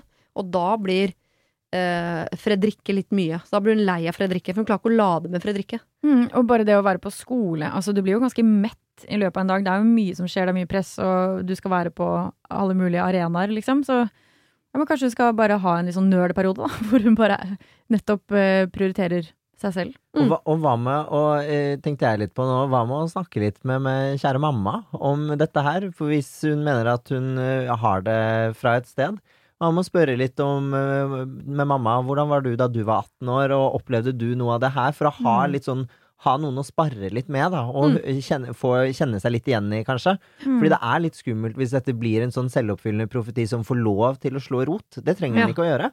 Eh, for da kan det fort bli et sånn vedvarende mønster. Men snakk litt med noen som eh, virker litt lik, og denne gutten som hun har begynt å date, som hun absolutt ikke har lyst til å bli drittlei av. Hva med å, eh, tenker jeg da, våge seg bitte litt ut på, og eh, snakke med han lite grann om det. Mm. Ja, eller som hun å starte med, jeg går alltid all in. Kanskje du ikke skal Ja. gå så all in, fordi hvis du er Mm. veldig sånn uh, utadvendt og mye, Mm. men egentlig trenger tid for seg sjøl, hvis det er det der, da, så tenker jeg at hvis du går 100% inn i en relasjon, så blir du jo fort sliten. Mm. Ja. Du brenner deg opp, liksom. Du, ja, du brenner opp alt kruttet med en gang. Kanskje du bare skal Kanskje hun er introvert, rett og slett. Det har vært Ja. mer snakk om det de siste årene. Så kanskje det er liksom en greie. Sånn nei, det er ikke det at jeg blir lei, jeg bare er introvert. Så Jeg må hjem og lade. Øve seg litt på å lene seg tilbake, rett og slett. og ikke gå all in. Ikke gå all, altså Du må gjerne liksom tenke at dette blir bra, men Ja. ikke, det, det, trenger ikke, når du har truffet en gutt nå, trenger ikke dere være sammen 24 timer Nei, i døgnet. det orker Fordi da blir du utslitt før uka er ferdig, da. Det gjelder alle. Ok. Vi skal til eh, en som eh, tenker på eksen. Og det vil jeg bare si at det tror jeg nesten alle gjør. Ikke akkurat nå, eller akkurat nå gjør dere det. Ja, nå- ja, nå nå, gjør tenker jeg på eksen. Ja, nå tenker jeg på Mm. eksen. Mm. Kjempefint. Alle sammen. Man måtte bare gå gjennom alle. Eh, hei, Siri og dine gode hjelpere. For å gjøre en lang historie kort, så har jeg, som alle andre, en eks. En første kjærlighet. En første alt. Vi ble sendt da jeg var 14, han var 16, og var av og på fram til jeg var 20, altså i seks år, da. Jeg er nå 28 år, så ja, det er åtte år siden det ble slutt for godt. Og som sikkert mange andre igjen, tenker jeg på han. Lurer på hvordan han har det. Hva driver han med? Hva jobber han med? Hva tenker han på? Tenker han på meg?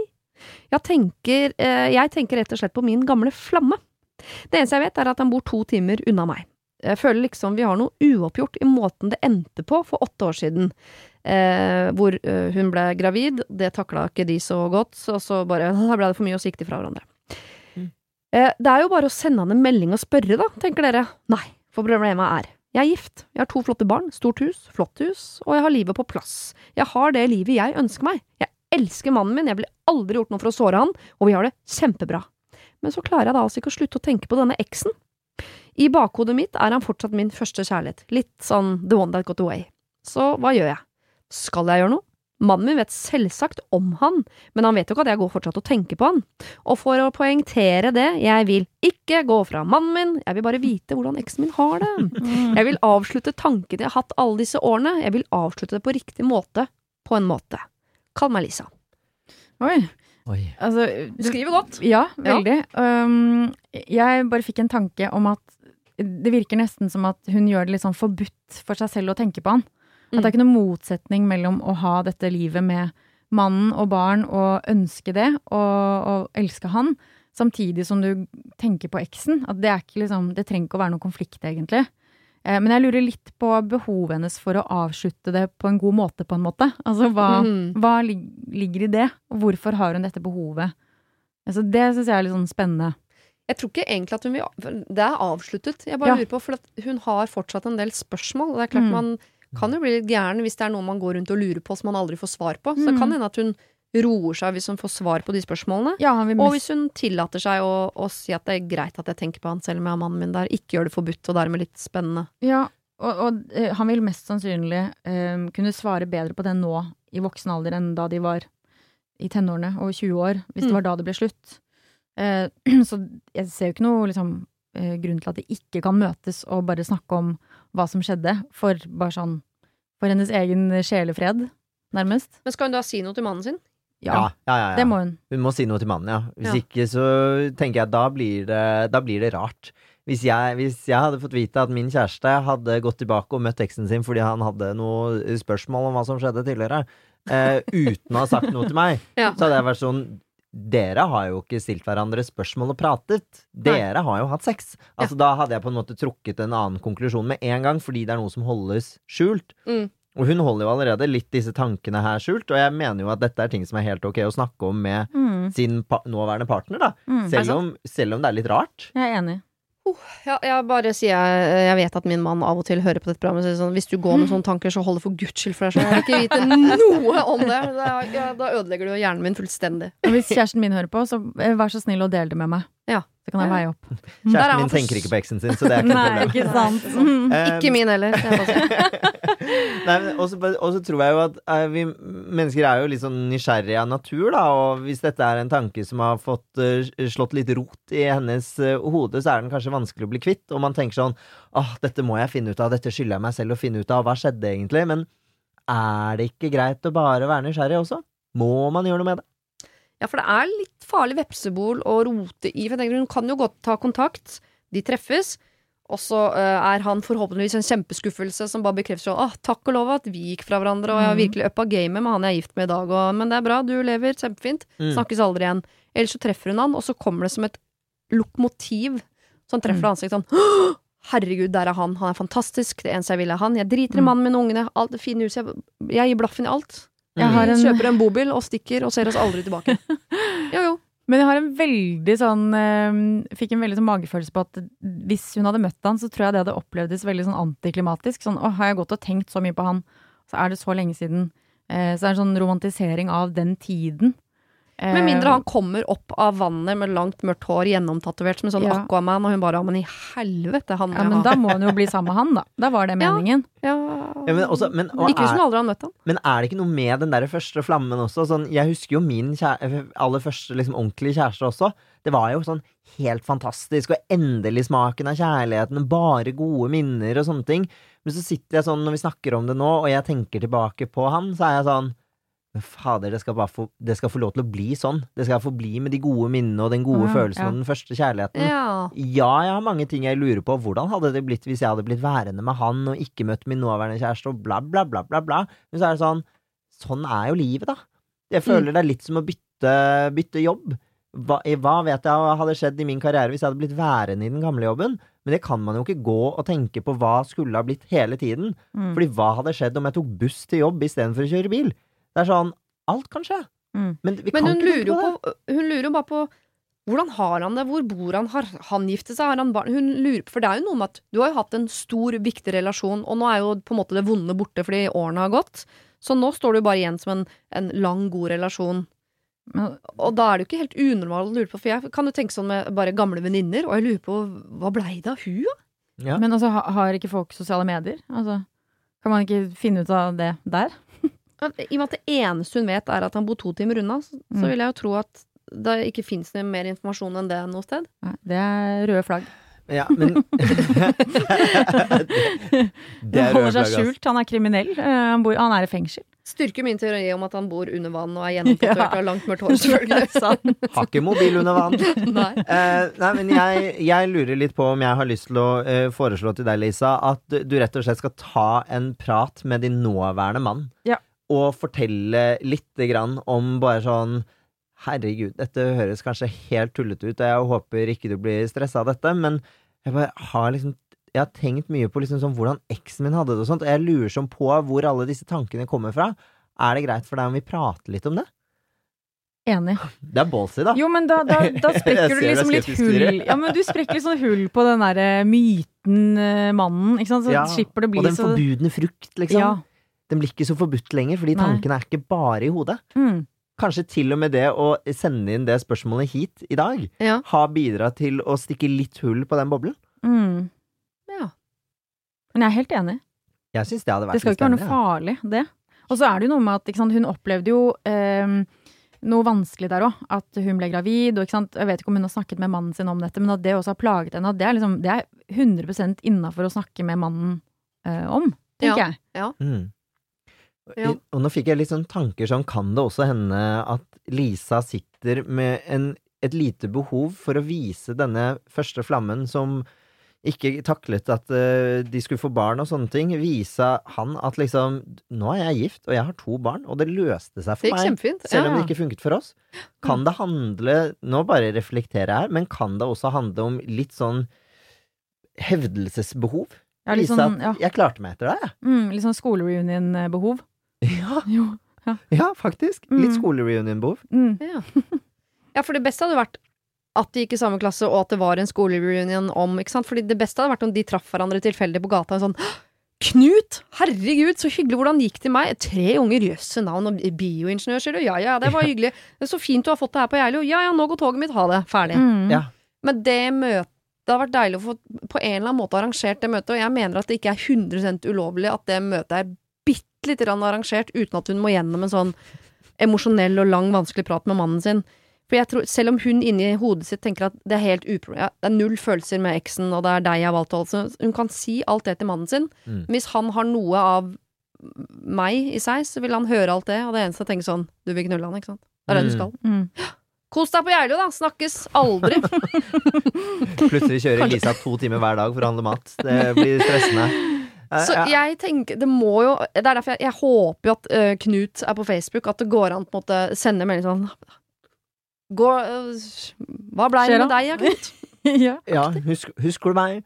Uh, ja, jeg, jeg er helt enig i at det er lov å gjøre det. Ja. Men jeg, jeg bare vet at hvis min kjæreste hadde gjort det uten å si til meg at nå har jeg tenkt mye på han og la, la, la, og gjerne lyst til å prate med han igjen, bare for å høre hvordan det går, ikke noe mer, Mm. så hadde jeg vært sånn, og jeg ikke hadde fått vite det på forhånd, så hadde jeg vært sånn uff, hvor er vi på veien nå, hva er det Ja. du skjuler, hva, hva er i gjære? Ja, men da blir det jo eh, hemmelighold. Ja, de Da gjør blir det det. et problem, istedenfor å bare liksom Spille med åpne kort. ja, snakke om det. Jeg skal se om det. finnes en gyllen middelvei. Jeg må bare prøve å tenke hva jeg tror jeg ville ha gjort. Ja.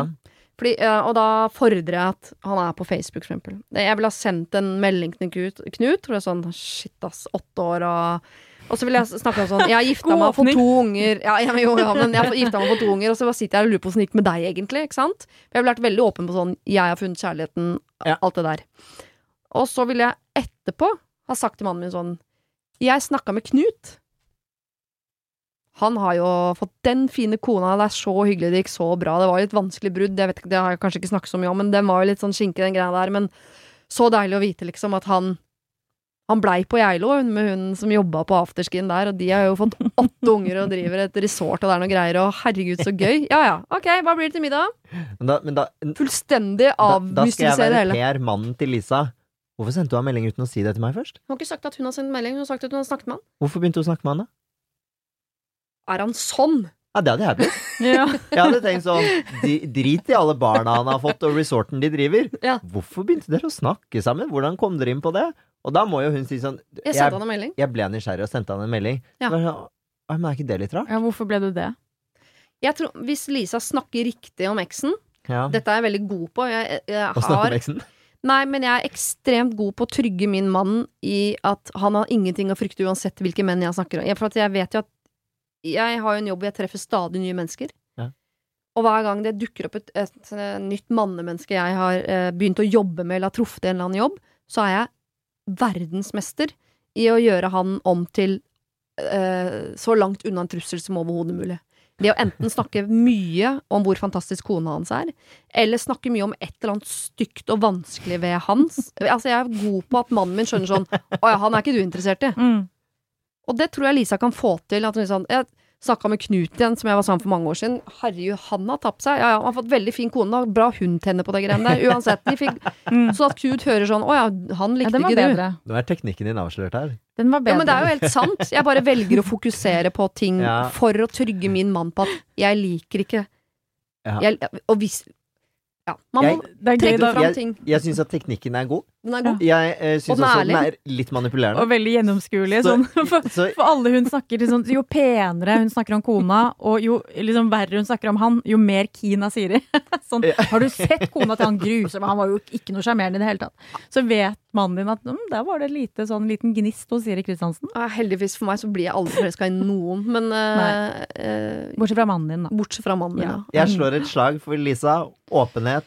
Si fra om at du er keen på å bare sende denne meldingen og spille med åpne kort hele veien. Jeg slår et slag for manipulering, manipulering, manipulering. Ja, men hvis, hvis, hvis inngangen er at det bruddet var vanskelig, eh, jeg trenger bare noen svar, det er ikke noe big deal. Eh, altså, Jeg trenger noen svar. Jo, men sånn Ja, men, men det, det var et vanskelig brudd. Ja. Ja. Så kanskje hun er på en eller annen reise da, og trenger noen svar for seg selv. Ja. Det er jo ikke noe verre enn det. At det handler om henne og ikke han. At hun, altså, det er veldig rene intensjoner her, da. Ikke sant? Jeg har tilfeldigvis booka et rom på det skiresortet. Jeg har tatt med mannen og ungene og møtt i resepsjonen og sagt nei, men hei! Ja. Jo, jo, men det er også en mulighet. Det går også. Eller bare la det ligge. Eller det er, er faktisk lov å ikke vite. Ja. Ja. Åh, her, eh, altså her har vi bare skissert 150 forskjellige mulige løsninger. Det er bare å velge. Vi Ja. kommer ikke til å velge for deg, Lisa. Her må du velge. Mm. Vi avslutter med et sjalusidrama. Her er det en som trenger oss sårt. En jente på 18 år som har en bestevenn. Han er 19. Han bor litt over en time unna meg, og vi har vært bestevenner i flere år. Han har en kjæreste. Hun begrenser bestevennen min til å få møte meg. Første gangen jeg fikk møte han, så hang vi flere, med flere av kompisene hans, og jeg skulle egentlig første omgang møte kompisen, men så var bestevennen min med, så da øh, Bestevennen min øh, med han, så da ble det alle sammen. Og, og da var dama hans også med. Vi spilte basket, men hun trakk seg unna, og så bare stakk hun. Så truet hun han seinere på natta at hun kom til å slå opp dersom han var noe mer med meg. Jeg aner ikke hvorfor dama hans har noe imot meg, jeg fikk så vidt sagt hei til den den kvelden før hun stakk. Nå får han heller ikke lov til å snakke med meg, møte meg, så lenge de er kjærester. Men øh, han sier han aldri kommer til å slutte å snakke med meg på mobil uansett hva hun sier, men vi kommer jo ikke til å møtes før de eventuelt slår opp, og det gjør meg illsint. Forholdet her er jo ikke sunt i det hele tatt, sånn jeg ser det, da. Dette akkurat øh, er det første som har skjedd. Hun var blant annet utro mot han, øh, og, så, og så for så å være offer etter dette. Skjønner du? Altså Mm. Ja. ja. Bestevennen min har null kjærlighet for seg selv. Han føler at han er null verdt. Det resulterer i at han ikke har hjerte til å slå opp med dama si, siden forholdet gjør henne glad. Selv om han selv ikke er lykkelig sammen med henne. Han prioriterer alt fremfor seg selv, og da blir det mange dårlige valg som blir tatt. Det eneste jeg trenger hjelp fra dere til, er hvordan jeg kan hjelpe han med å få kjærlighet for seg selv. Det er ingenting jeg fysisk kan gjøre, siden jeg bare sitter inni hodet hans, men er det noen råd dere kan komme med som jeg kan ta i bruk? Veldig krevende for meg utenfra å se hvordan han har det, og hvor begrenset han blir. Jeg gir han komplimenter, noe som sitter veldig naturlig for meg, og han har virkelig fortjent det, for han er en ordentlig pen og snill gutt. Jeg kan sprekke av hvor glad jeg er av han til tider. Jeg er en venn som ikke akkurat er en nikkedukke, og stiller mange spørsmål, så øh, de reflekterer mer. Selv om jeg ser hva jeg burde gjøre, så lar jeg dem finne ut av det selv, men hjelper dem gjerne på veien. Jeg er ærlig og kan være direkte på en vennlig og respektfull måte. Hun vil hjelpe han, men jeg tror også hun ønsker å få tilbake vennen sin. Ja. Åh. Åh. Han høres ut som verdens skjønneste fyr, Mm. som trenger litt mer ryggrad, da, dessverre. Eh, hvis han er i et forhold for å please en annen, så er ikke det et forhold, tenker jeg. Og hun Nei. er veldig skjønn, da. Altså, Ja. hun, spurte jo um, Jeg husker ikke hvordan det var formulert, men om um, det er hennes ansvar Eller jeg bare hang meg opp i det at det er jo ikke hennes ansvar å hjelpe han ut av det forholdet, eller eh, Det virker som hun tar på seg veldig mye ansvar, Mm. eh, og at hun har jo åpenbart veldig empati, og at det er veldig fint, men at det, det virker som det er liksom tyngende for henne også. eh, At hun tar på seg liksom hans problemer veldig, Mm. og at det er jo ikke hennes ansvar, da. Nei, men så har hun jo litt egenvinning på dette her ved at hvis hun får til et brudd her, hvis hun Mm. hjelper han å komme seg ut av dette forholdet, så vinner jo hun vennen sin tilbake. Ja, Ja. men jeg tror liksom det er Det er nesten sånn at det her må bare gå sin gang, holdt jeg på å si. Altså, fordi jeg tror at hvis hun kjemper veldig for at han skal komme seg ut av det forholdet, så tror jeg kanskje det kan virke litt mot sin hensikt.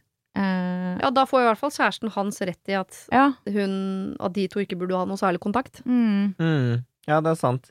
Det høres ut som to stykker som er sinnssykt eh, glad i hverandre, Ja. eh, begge to. Og så er det jo sårt for henne å miste han oppi, oppi det hele. Mm. Men hvor mye, som Sofie sier da, hvor mye hun egentlig kan gjøre oppi det, annet enn å si til han hva hun føler og tenker. Det er jo ikke så mye, fordi til syvende og sist så har jo han sin egen eh, frie vilje. Han må jo ta det valget om han skal være i dette forholdet. Mm. Eh, hun kan ikke innse for han at dette forholdet er dårlig. Mm. Det må han innse selv. Og dette er jo ikke sånn som vi har vært inne på før i dag, med at det er kontrollerende og det er eh, psykisk vold og så videre, fordi da var vi jo litt mer på at da må du gripe inn og se om det er noe du kan gjøre, men her er det på en måte Du syns ikke de burde være kjærester, og du har ikke inntrykk av at han egentlig heller vil, men Mm. han bare gjør det, liksom, fordi han er Ja. litt sånn veik. Ja. Ja, hun var jo utro, da, mot han, og det er jo selvfølgelig jævlig kjipt, og at eh, hun går i offerrolle, og det er jo sant, superprovoserende å se på fra utsiden, men jeg bare tror at hun gjør allerede nok, egentlig, ved å være liksom en støtte, og at han vet jo hvor glad hun er i han. Mm. Eh, og at hun veldig gjerne ønsker at de kan være venner og bruke tid sammen. Så Mm. eh, hun står jo klar, egentlig. Så jeg tenker at hun også må liksom beskytte seg selv litt òg, og kanskje sette litt sånn grenser for hvor mye hun skal ta på seg da, av, eh, av dette forholdet. Og at det, det her går jo liksom plager henne, får liksom veldig den følelsen av at det her det er, liksom, det er mye hjertesmerte, da. Mm. At hun tenker mye på det, men at hun kanskje skal um, Kanskje trekke seg litt unna og bare la han fikse opp i de greiene, og så står hun klar med åpne armer når han kommer tilbake, for det høres jo ikke ut som et veldig bærekraftig forhold. Og så er det ikke sikkert det forholdet er sånn så ille for han heller. At han bare, hvis han er en litt sånn pleaser, så kan det hende at han værer At hun Mm. vil at han ikke skal snakke pent om kjæresten sin. Sånn at Mm. de er enige om at hun ikke er så Mm. tipp topp. Ja. Men så er, hun, så er Ja. han egentlig glad i henne, men tør ikke Ja, å si det ja. til venninna si. Absolutt. Ja, for det hører, han, du kalte han litt veik, og han høres jo litt veik ut, så kanskje han ikke tør å si sannheten til beste, bestevenninnen heller, da. Mm. Mm. Em, og, men så er jeg jo litt sånn Ok, da, hvis uh, det jenta det her som har sendt inn, skal, um, skal våge seg på å gjøre noe som helst, Mm. Er det fjernt å tenke at hun skal spørre om kjæresten hans har lyst til å finne på noe? Nei, det syns jeg. De to sammen, Det er liksom? en god idé. Jeg tenker at de burde bli Det var dumt at hun bare dro fra basketen. Mm. Ja. Altså, for de to burde jo bli kjent med hverandre, for de er jo Mm. åpenbart glad i samme gutt, men på forskjellig måte. Ja, Ja. at hun er helt ufarlig. Hun er bare venn med med kjæresten hennes, ja. Ja, og det, og det kan jo den kjæresten tro på eller ikke tro på og sånne ting, men det, i hvert fall ved å prøve å bli litt nærmere, da, så Mm. kan man jo kanskje vise at da legger man inn en innsats. Hei, jeg har lyst til å bli bedre kjent med deg fordi du er faktisk sammen med min beste venn. Mm. Og han er jeg så glad i at hvis han er glad i deg, da har jeg også lyst til å bli glad i deg. Ja, Ja. sant. Det er et veldig godt uh, forslag, og det, det ufarliggjør jo hele greia. Ja, Ja, og Altså- pluss at hun kjæresten til og med også blir tryggere i sine relasjoner til at hun blir en bedre kjæreste, og vips, så kan alle tre egentlig være venner. Kanskje de blir sammen i stedet. Da blir det ordentlig trekant-sjalusidrama. Ja. ja, eller polyamorøse. Det er mange muligheter her. Men det, det, liksom, men det fordrer jo at denne kjæresten har lyst, da. Eh, Det er jo ikke sikkert hun vil, men det tenker jeg er noe konkret man kan gjøre for å prøve. Men tenker du Mm. at det skal komme som en følge av at hun tar direkte kontakt og sier det sånn, eller skal hun sørge for at de plutselig tilfeldigvis er på en basketballbane igjen? tenker kanskje sende en direkte melding til Ja. denne kjæresten, og bare si litt eh, Ta litt sånn den direkte veien, og si at eh, du, jeg har tenkt litt på det her, og jeg lurte på om det var ok for deg om du og jeg ble litt bedre kjent, for jeg har lyst til å bli bedre kjent med deg. Ja. Trenger ikke si så veldig mye mer enn det, men bare enkelt og greit. Skal vi ta et glass vin? Her er jeg helt Mm. med på direkte åpen kommunikasjon, ikke manipulering. så vi kom styrket ut av Det en til god slutt allikevel. Måtte bare innom den manipuleringa på et eller annet tidspunkt i løpet av programmet.